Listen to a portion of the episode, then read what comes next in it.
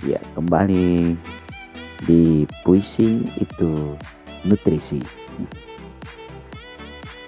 Kita akan mencoba menikmati nutrisi puisi pada kali ini. Melanjutkan di season yang kedua ini tentang puisi-puisi yang ada di buku Hidung Para Pencari. Saya akan bacakan satu puisi berjudul keliru, dan aku.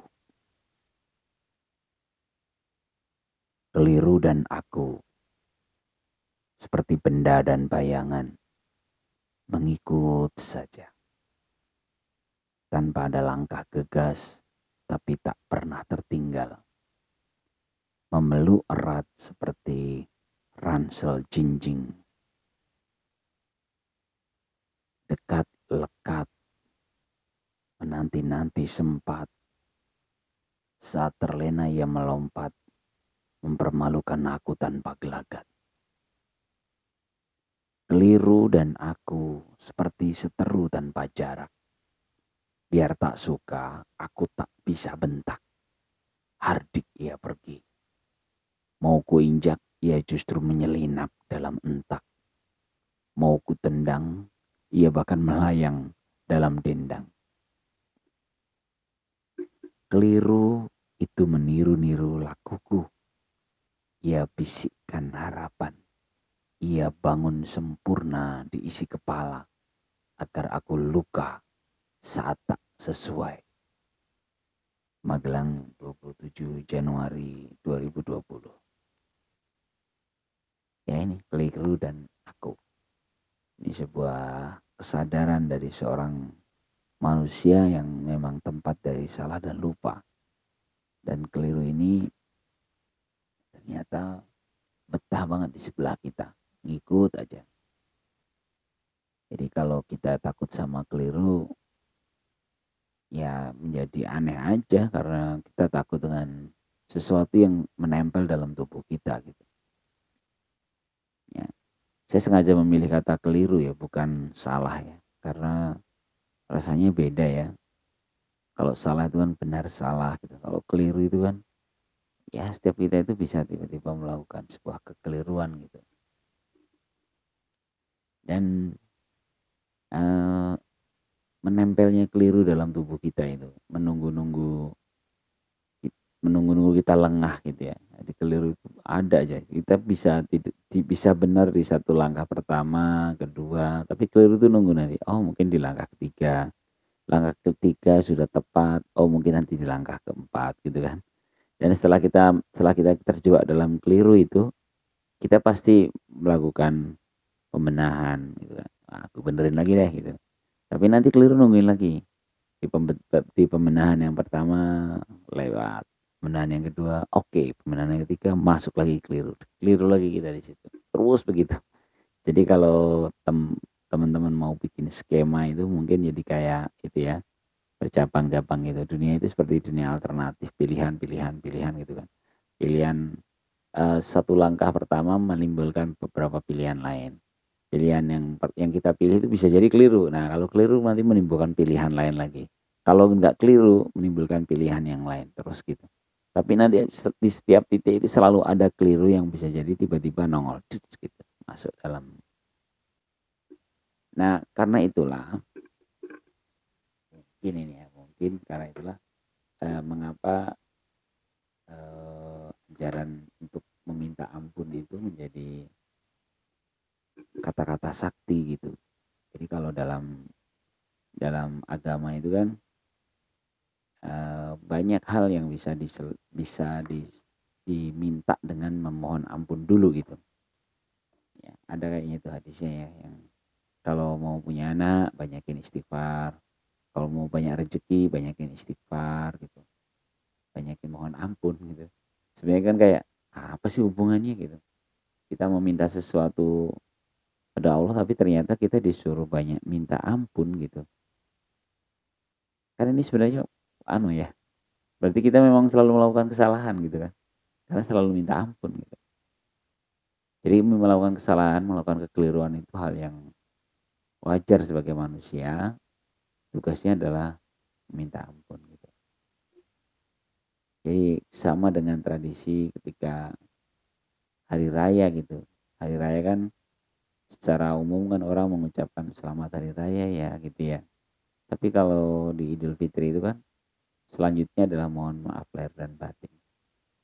Jadi selalu ada ruang untuk salah gitu. Jadi kalau kita melakukan kesalahan ya mohon maaf. Gitu. Jadi uh, sepertinya kalau kita menangkap ini pesan moralnya kan berarti di setiap event kalau lu sempat minta maaf minta maaf karena lu pasti salah gitu. kamu pernah mengalahkan mesti pernah melakukan kesalahan ya seperti keliru ini yang selalu menempel dalam diri kita tugas kita membenahinya lagi tugas kita membenahi lagi ya sekarang balik ke kondisi di keseharian gitu. Enak nggak sih orang bolak balik minta maaf gitu? Bagi orang yang sering dilakuin uh, mendapatkan kesalahan dimintain maaf itu kadang-kadang suka enak gitu ya. Oh, ini belum belum minta maaf. Enak gampang aja minta maaf gitu. Nah karena itulah permintaan maaf ini harus dalam format yang tepat gitu. Jadi kalau kita melakukan kesalahan bagaimana cara memintanya ya dengan cara yang tepat gitu yang paling tidak membuat kita menjadi lebih baik bukan bukan malah sebaliknya gitu ya. ini termasuk juga yang tadi keliru yang menunggu-nunggu di belakang tadi kadang-kadang Perasaan sesal itu bagian dari keliru tambahan saat setelah kita melakukan kekeliruan. Ruwet ya. Saya ulangi lagi ya. Sesal itu terkadang menjadi bagian dari keliru saat kita melakukan kekeliruan. Sesal yang berlebihan ya. Karena sesal pasti ya, kalau kita melakukan kekeliruan sebelum kita membenahi itu pasti ada rasa sesal. Kalau bahasa di fikih itu nadem gitu, nadam. Sesal itu harus ada. Tapi ketika sesal berlebihan, tanpa ada follow up itu termasuk termasuk bagian dari kekeliruan setelah kita melakukan kekeliruan hati-hati terhadap sesal yang karena akhirnya terus kita justru jauh dari pembenahan kita justru semakin terpuruk dalam perasaan bersalah katanya begitu. Jadi dulu saya pernah ke psikiater sebenarnya. Ini ketika saya sulit tidur gitu kan saya sampai datang ke psikiater meminta konsultasi gitu. Dan ternyata salah satu salah satu masalah saya adalah di situ. Jadi ketika saya melakukan kesalahan saya itu punya refleks self blaming gitu ya. Jadi kalau ada satu kesalahan gue menyalahin diri sendiri gitu. nah menyalahkan diri sendiri itu bisa berbahaya gitu karena saya dulu sampai nggak bisa tidur gitu ya sering bahkan efek yang paling menyebalkan adalah e, menyesali dengan memukul kepala sendiri itu konyol banget. Tapi itu sampai sampai harus ke psikiater saya. Dan ya inilah bagaimana menyikapi kekeliruan kan. Ternyata saat keliru menyikapi kekeliruan itu menjadi kekeliruan yang baru. Jadi rumit gitu. Yang di bait terakhir saya coba cerita tentang eh sorry bait ketiga dulu aja ya bait ketiga itu kan Keliru dan aku seperti seterutan jarak, biar tak suka aku tak bisa hentak, hardik ia pergi. Mau ku injak ia justru menyelinap dalam entak, mau ku tendang ia justru melayang dalam tendang. Ini keliru ini memang nggak bisa diusir.